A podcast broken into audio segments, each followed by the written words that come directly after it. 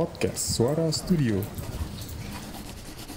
gratis IMB, gratis pengukuran lahan, gratis desain. Wah, desain gratis lele.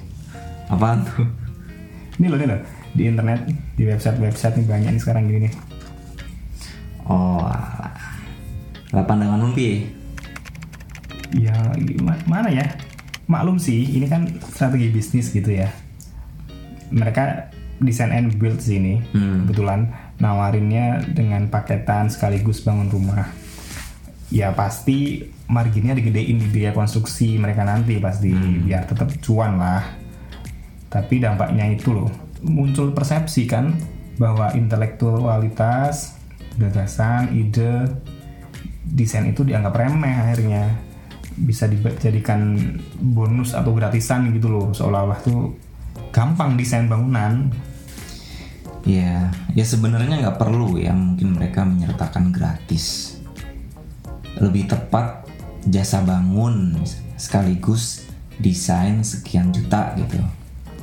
isu ini tuh mungkin nggak terlalu nggak nggak nggak selalu tentang uang sih ini kan juga tentang respect terus apresiasi profesionalitas bisa aja kan eh, jasa desainnya dihargai bukan dalam bentuk uang Eh, makan apa gitu tiket nonton Westlife gratis atau jadiin mantu gitu bisa aja kan sebenarnya.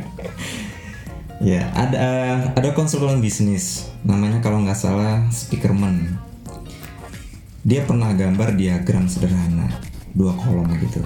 dua kolom. Ya Nah, dua kolom sebelah kiri tulisannya free ya, gratis ya. Isinya client brief analisa prakreatif Oh intinya satu kolom di kiri itu untuk hal-hal yang gratis gitu yang digratiskan nah ya. yang digratiskan kan kalau klien kita ketemu pertama kali kan calon klien kita ajak ngobrol dulu gitu kan Mm-mm. kemudian kita gali maunya apa kadang-kadang kan dari apa dari maunya dia itu kita bisa kasih beberapa ide pancingan gitu. kemudian ada kolom yang sebelah satunya lagi tuh judulnya paid berbayar lah isinya Mm-mm. Itu di situ udah mulai isinya creative opening proposal kemudian eh, design and management nah ini yang dibayar gitu. Hmm.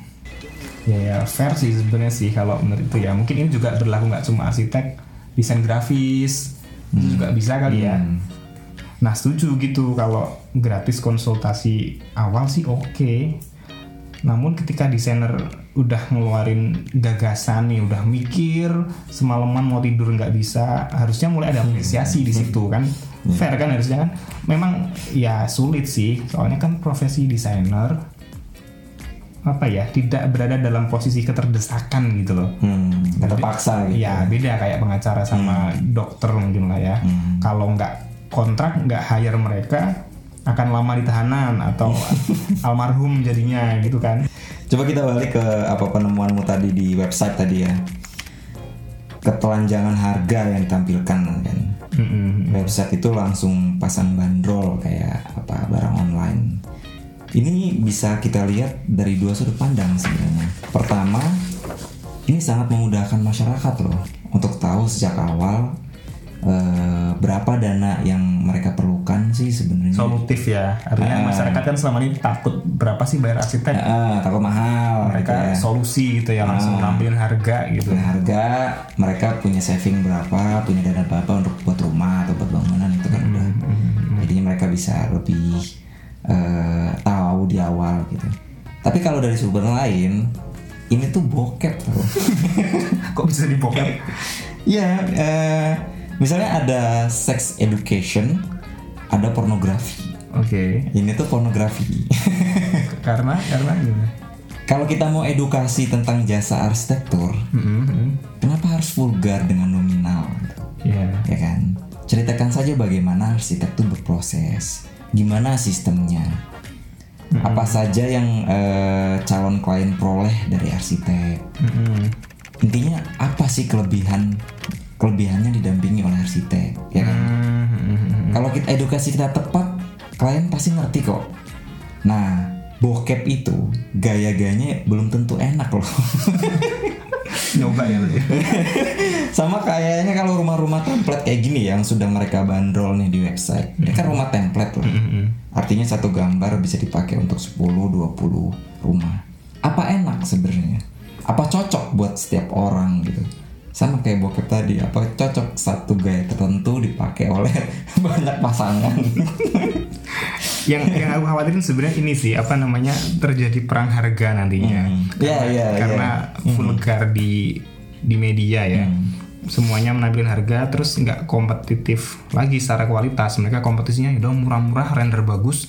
Yang penting klien ketipu dengan hal-hal di permukaan murah dan di render bagus cukup dapat klien gitu.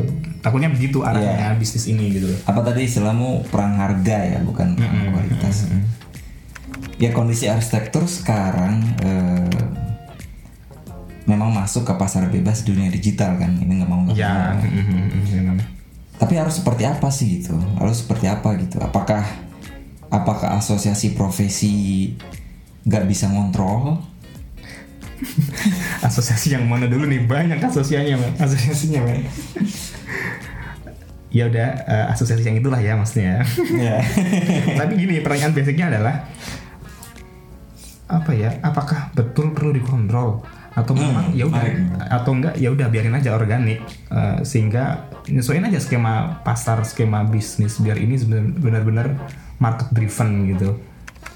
Artinya skema pasar yang secara organik terjadi gitu ya Heeh, ya. Bukan masyarakat patokan. butuhnya, pasarnya butuhnya kayak apa ya udah ngikuti gitu toh, Mhm. toh kode etik dan apa undang-undang juga mm, selalu datang lebih lambat daripada apa namanya eh, konteks di sekarang ini gitu loh Iya, iya, iya. Tapi menurutku regulasi tetap perlu lah. Negara perlu hadir untuk mengatur harkat kebutuhan rakyat. Wish. Mikirin apa pusing mikirin arsitektur lingkungan hidup yang nyaman gitu, yang indah kan tidak lebih remeh dari kepentingan hukum dan Ya, kesehatan. Tadi setuju, kalau misalnya setuju sih. komparasinya sama lawyer atau dokter. Ah, ah, setuju sih Tapi apa artinya regulasi kalau nggak ada penegakan hukum? ya nggak ada penegakan hukumnya sih emang sih masa pasang iklan di internet melanggar kode etik terus mau ditahan gitu arsiteknya Ya. Terus kita mau gimana nih? Mau lurus idealis atau mau lacur dikit-dikit lah? Eh, udah nggak Ya, usah bokep lihat- tadi ya. nggak usah lihat kode etik. Hmm. Ik- ik- pasang iklan, pasang harga, pasang Google Ads untuk dapat cuan yang lebih. Hmm. Semisal kita pasang Google Ads atau Facebook Ads itu, itu masih boleh nggak sih atau dianggap iklan sebenarnya? Yang penting kita kontrol lifestyle aja lah. Biar gak terlalu pusing mikirin pendapatan. Kecuali kalau mau gabung klub mobil Inggris, klub mobil